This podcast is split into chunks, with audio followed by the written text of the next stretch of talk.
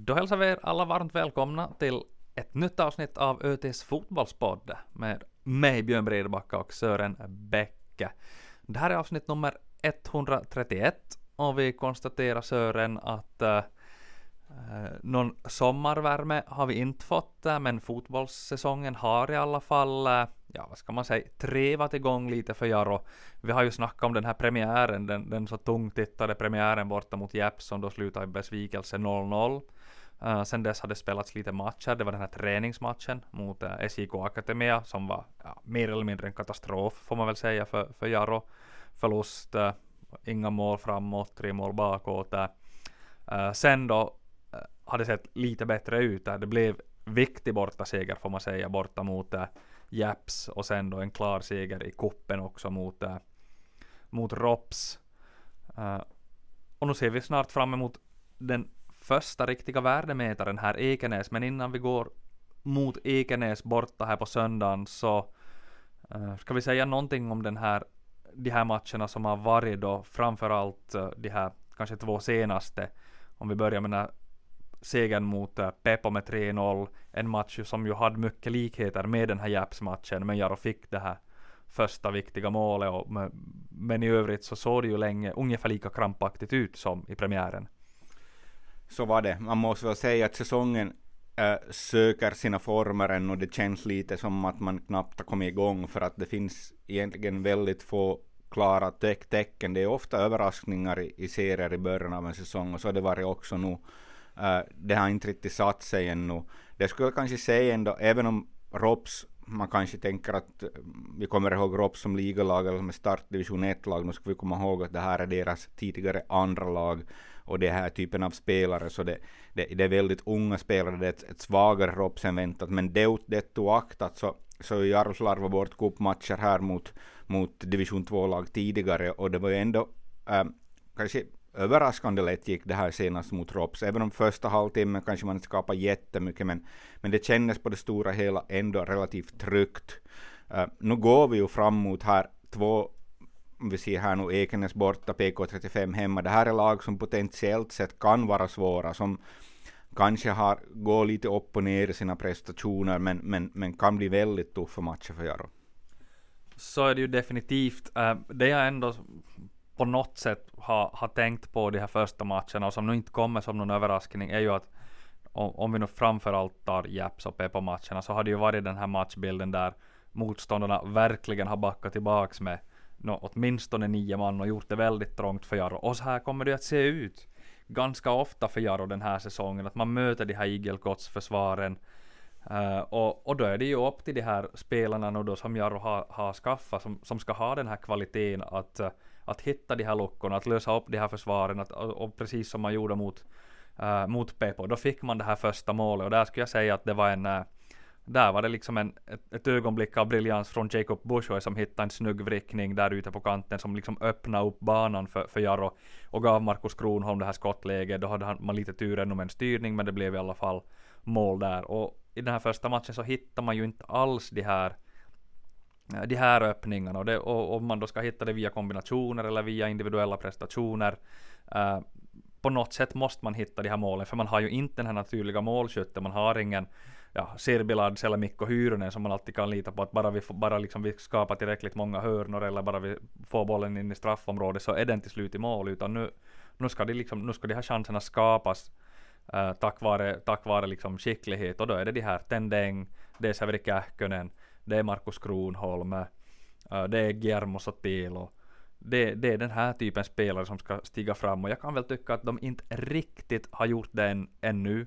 Äh, uh, så bra som Jaro till exempel såg ut i den här TPS-matchen, den sortens anfallsspel tycker jag inte vi har fått se ännu.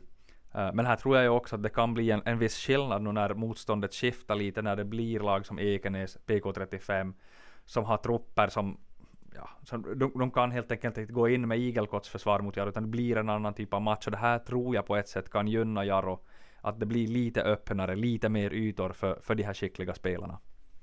Äh, så är det. Samtidigt, du räknar upp väl en fyra, fyra spelare här som, som vi vill se kanske mer av. De här så skulle jag väl säga att Kronholm levererar, han har ju på många sätt visat vägen. Sotelo har ju förstås en lite annan roll än i fjol då man hade en fembackslinje, trebackslinje vad vi än kallade men hur som helst så hade han hela kanten. Han hade mer, han fick, fick fri, mera fritt fram, gå, gå framåt i box. Så, så det här det är kanske orättvist mot Sotela att jämföra, jämföra med fjolåret till den delen.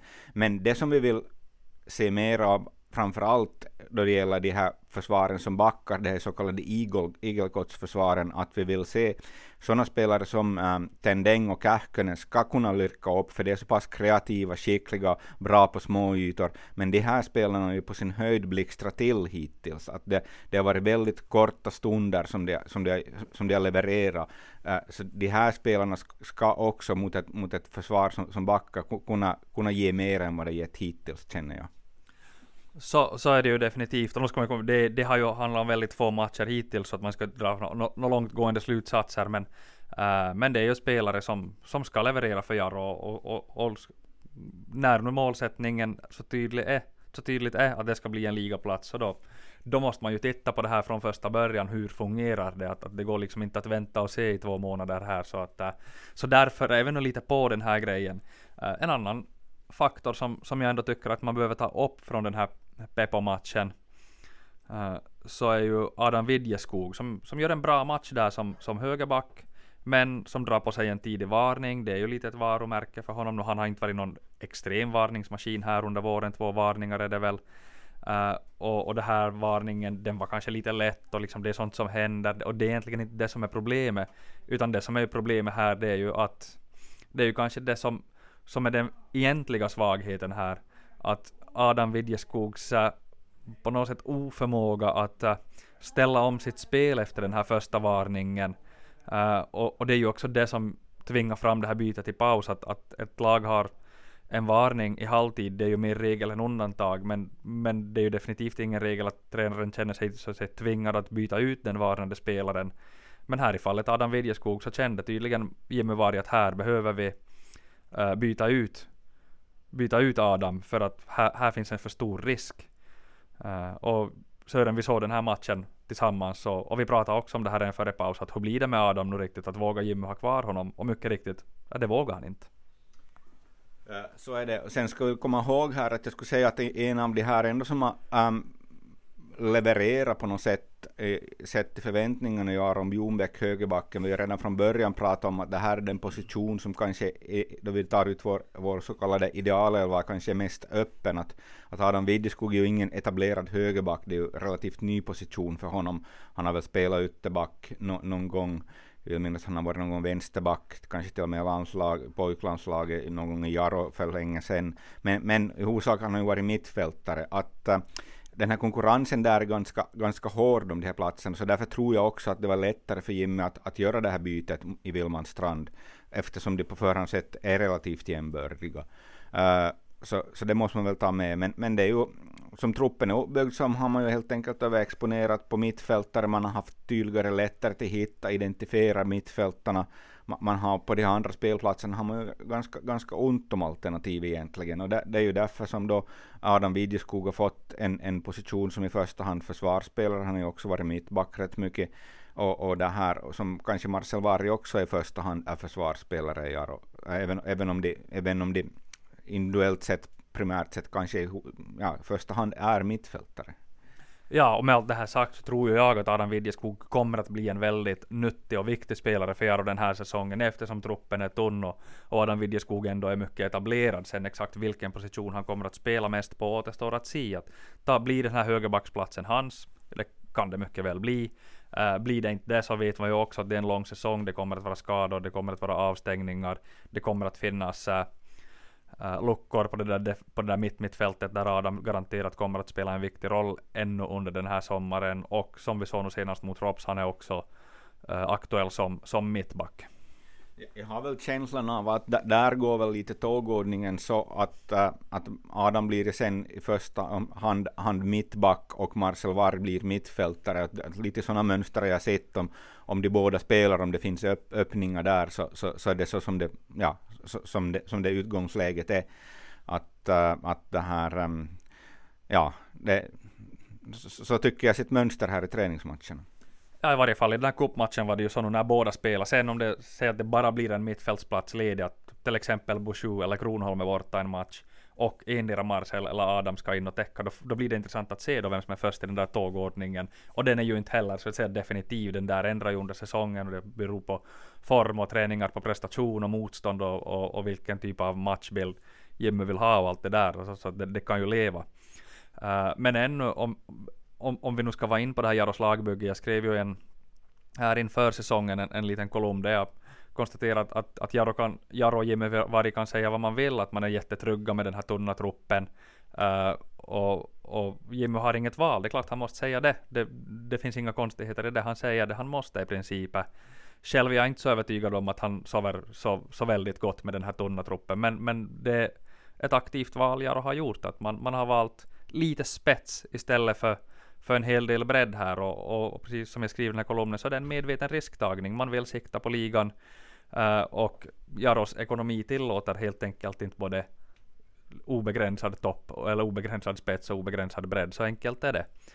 Uh, och sen huruvida Jimmy då verkligen litar på de här spelare, ska vi säga 14, 15, 16, 17, tycker jag ändå vi får en liten fingervisning om i Rovaniemi, äh, i, i cupmatchen mot Rops här. Uh, man har spelat borta mot Pepo i Vilmanstrand, man ska spela borta mot Ekenäs, uh, då förstås i, i, i Ekenäs.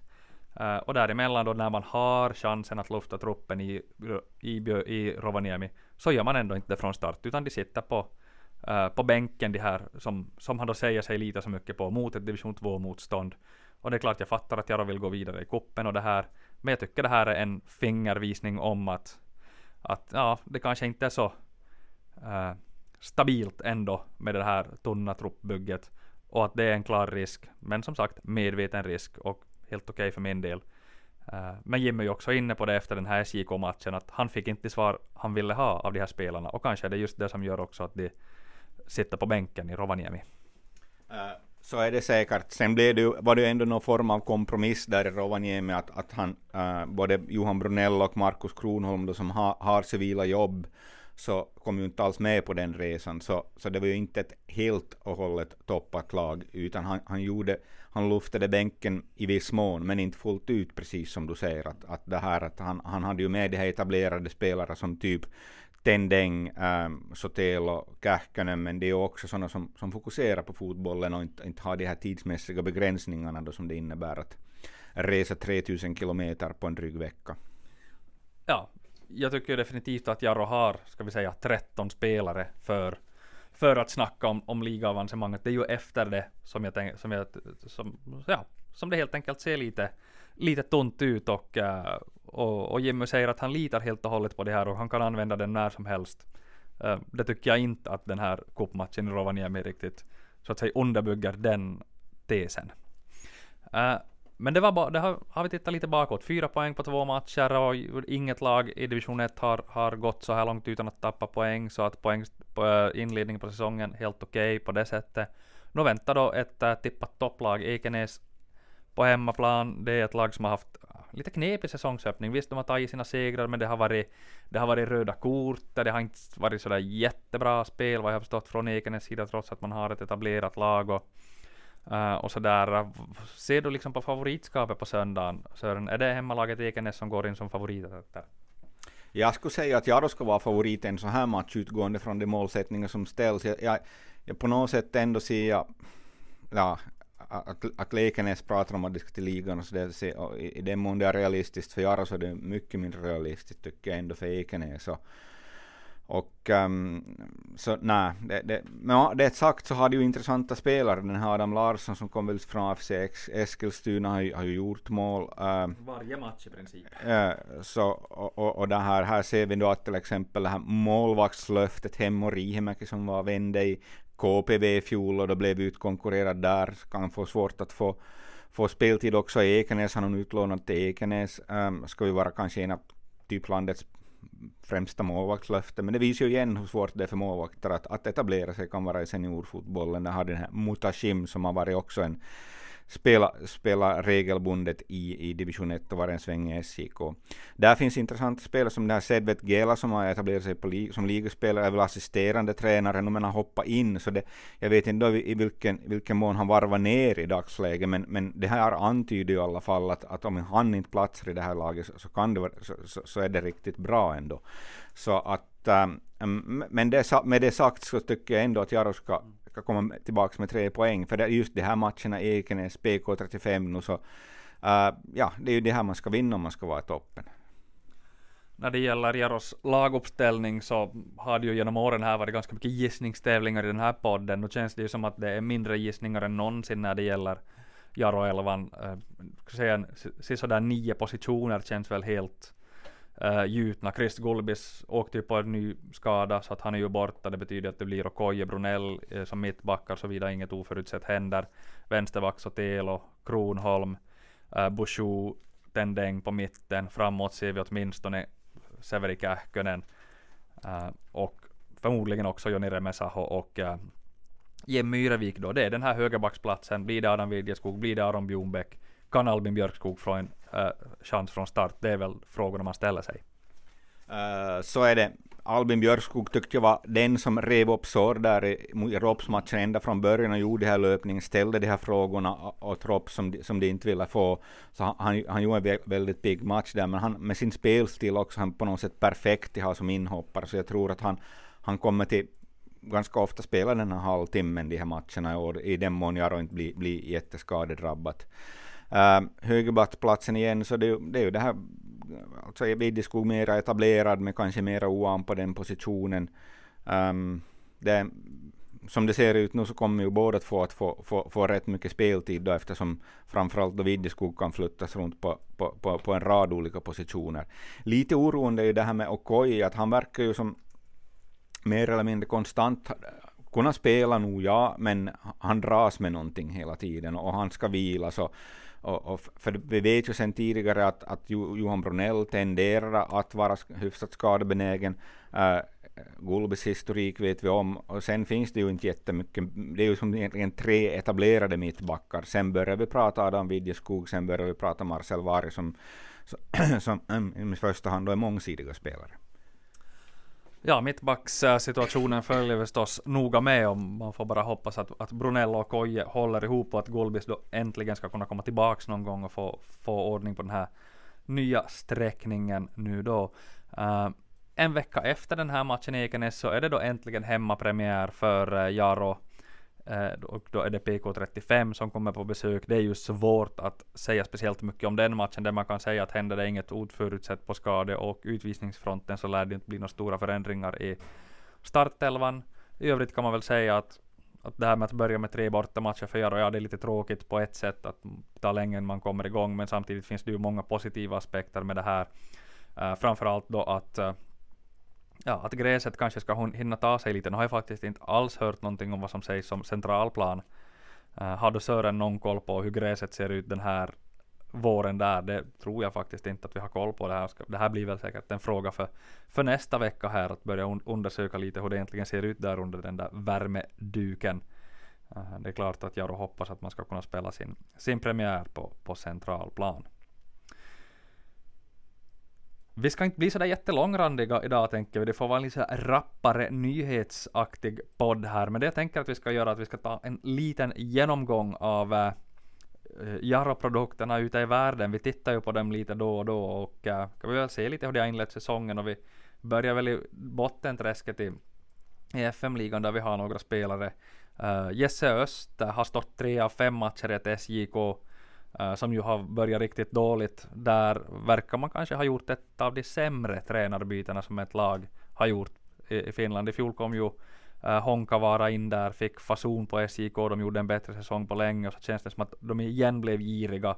Nu ska man ha en ny tränare, spela nyare, ny, lite, säkert lite mer framåtlutad fotboll. Uh, och så har det gått riktigt, riktigt dåligt. Har du någon koll på SJK? Jag har ju sett en del faktiskt och, och det här, ja det var ju märkligt att, att det var ju hemma så när Janni, Janni som flyttade hem och plötsligt stod man inte då i bruk hans optionsår trots att han hade en positiv trend där. Men tydligen hade, hade eh, ja, det, det har blivit problem med de personliga relationerna får man väl anta brukar det bara när det blir så här, för resultaten har ju, har ju funnits där och, och, och den här behandlingen då av, av Serge Takai framstår ju som, som väldigt märklig. I fjol hade han en kontrakt med SJK och blev utlånad, fick inte ens träna med laget, var portad helt enkelt och så tog kontraktet slut och så byter man tränare och så skriver man nytt kontrakt med honom. Okej, okay, det är ju roligt för Search att han får en ny chans här på liganivå, men han har ju fått lite knepigt också, knepigt startat. Ofta har de spelat med en fembackslinje och han har varit höger wingback och det är kanske aningen för, defini, def, för defensiv position för, för Atakai. Det återstår att se, han blev väl utbytt här senast för förra ligamatchen och när, när de åkte på storstryk och det återstår att se då hur, hur hans, hur hans eh, status i laget är här framöver. Ja, jag tycker att det här är faktiskt otroligt märkligt då in på den hanteringen av Serge Atakayo. Han gjorde ju en jättebra höst i TPS, var framfusig och syntes mycket, skapa chanser, flera assist, flera mål i den här tydliga högerytterrollen. Och Sören, nu är du, varken du eller jag någon fotbollstränare, men, men, men jag tror nog ändå att vi båda eh, ställer stora frågetecken mot det här att ge Serge Atakai en, en roll som, som wingback de är stort defensivt ansvar, att han är ju en väldigt tydlig offensiv spelare. Eh, det här med att läsa spelet har ju aldrig varit hans grej riktigt, utan det är snabbheten, explosiviteten, att ta sig förbi, det är ju hans grej. Eh, och det är det han måste få fokusera på för att, för att klara sig på ligan-nivå. Uh, eh, tror, tror jag att, att, att dra ner honom 20 meter i banan och ge honom liksom ansvaret att, att, att försvara då, då hämmar man nog honom som fotbollsspelare väldigt mycket och jag kan inte förstå att SJK inte har bättre alternativ som wingbacks än, än Serge Atakai. Det låter, det låter mycket märkligt. Och varför plockar man ens in honom igen då om man tänker att det är den sortens fotboll man ska spela? Det, det, det är oförklarligt tycker jag faktiskt, det här SJKs agerande här i, i Serge Atakai-frågan. Uh, eh, en spelare som också har fått en tung inledning på säsongen i sitt lag är Sergej Jeremenko. Uh, spelar då i, i ett HIF som ju är bottentippat och inte ser speciellt starka ut. Eh, har mest åkt på förluster. Han spelar en 90 minuter, annars utbytt. Jag har inte sett Sergej Jeremenko sådär jättemycket, men det jag har sett är att han spelar en ganska offensiv roll. I derbyt mot HJK här som jag såg lite av så, så låg han där strax bakom Eero Markkanen och skulle i alla fall spela en offensiv roll. Nu anföll HIF knappt överhuvudtaget i den här halvleken, men, eh, men det är i alla fall min bild av Sergej Jeremenko så här långt. Ja, han söker ju också sitt, sitt stora genombrott, ska vi säga, inom seniorfotbollen. Han har ju snurrat här i olika lag. Han var ju i, efter då i SJK, AC Oulu och det här nu då i HIFK. Han hade ju den här besvärliga knäskadan som han åkte på där i, i ryska Orenburg redan på de allra första träningarna där har jag för mig. Uh, så, som är svårt att komma tillbaka från förstås. Så att, att den här frågan om man ska lägga det på det kontot ännu, att han söker den här rätta, rätta matchkänslan så att säga. Äh, det som du har lyckats lite, en som har lyckats lite den här våren så är Antoni Olusanja, han har varit lite skadad igen, men det har blivit i alla fall fyra inhopp, ett lite längre inhopp då när det blev en tidig skada för någon av bröderna Riski. Uh, fyra inhopp, ett mål på Antoni Olusanja som ändå verkar vara en spelare som som får vara med på bänken och med i truppen för det mesta i varje fall. Nu har HJK lite skador på offensiva spelare så här och det återstår väl att se när alla tillbaka vilken Antonis roll blir men men tills vidare i alla fall uh, oftare med i truppen än petad. Ja, det är ju skifta ut en spelare som till exempel då Kai Meriluoto som man får väl anses konkurrera, att han, honom lånade ju ut då till, till Ilves. Ja. Och, och, han har ju gjort en form av succé där, i alla fall målmässig succé. Um, så att, um, ja, det är väl lite make it or break it för Antoni Olusanja som jag vill minnas hade två plus ett, så han hade alltså sitt optionsår kvar efter det här. Så att det gäller för honom att försöka successivt ta en större roll. Problematiken där är väl att Roope Riski ändå är så pass etablerad och ännu inte är så gammal att han är väl typ 30 år, att han borde ha något, något bra år kvar, att, att det är lite svårt att, att rub, rubba honom. Ja, på tal om utlåningar till Ilves så kommer vi ju osökt in på Axel Widjeskog som ju fick några ströminuter med Kups här riktigt i början av säsongen, men sen då utlånad till Ilves för lite mer speltid och det har gått bra. Två matcher hade blivit för Axel, två gånger 90 minuter och sammanlagt sex poäng då på de här två matcherna. Har inte alls sett Ilves, men, äh, men resultatet är i, varje fall positivt. Har du någon koll på, på Axel alls, hur, det, hur han har presterat? Jag har väl sett en del och, och vad jag vill minnas nu så han, han var ju i första hand ytter när han spelade med Jara, men han han har ju fått några år till på nacken och spelar i huvudsak mer centralt på mittfältet. Äh, box to box mer eller mindre. Och så vänder vi till sist ännu blickarna lite mot där Sverige där Simon Skrabb då har startat om med Kalmar eh, trots att, att han haft, hade lite till, kvar till formen när han kom så har han fått, fått matchtid en hel del eller väldigt mycket. Han har startat alla matcher utom en. Uh, och jag har sett en hel del Kalmar och uh, att Simon ändå ser helt, helt bra ut. En riktigt, riktigt bra match gjorde han mot Varberg när han fick ett plus ett. Kunde ha gjort fler poäng den här säsongen. Har väl kanske inte haft riktigt uh, flyt precis som hela, hela Kalmar. Man har väl blandat och gett lite i sina, sina matcher. Men helt klart är att Henrik Rydström har, ser eh, uh, Simon Skrabb som en väldigt viktig spelare där i, i Kalmars offensiv. Ja, däremot så ser man ju tydligen honom ofta, ändå som en, som, en, som en extremt offensiv spelare, en av tre anfallare, ofta kanske att han kommer in från, från högerkanten eller rent av spelar centralt. Men jag tycker efter den här långa frånvaron det vore dags att skola om Simon Skrabb till, att bli en, en central mittfältare. Jag tror det är det, som, det är det som han ska vara. Han ska vara, om vi pratar Jaro, så den här, den här Kronholm-rollen tror jag skulle sitta riktigt bra för Simon Skrabb.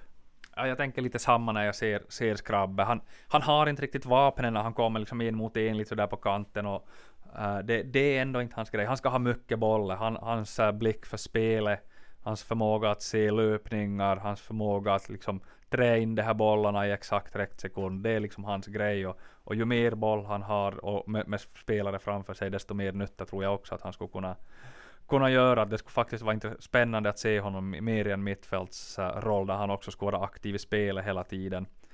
Uh, så att ja, det, jag håller helt med dig där Sören.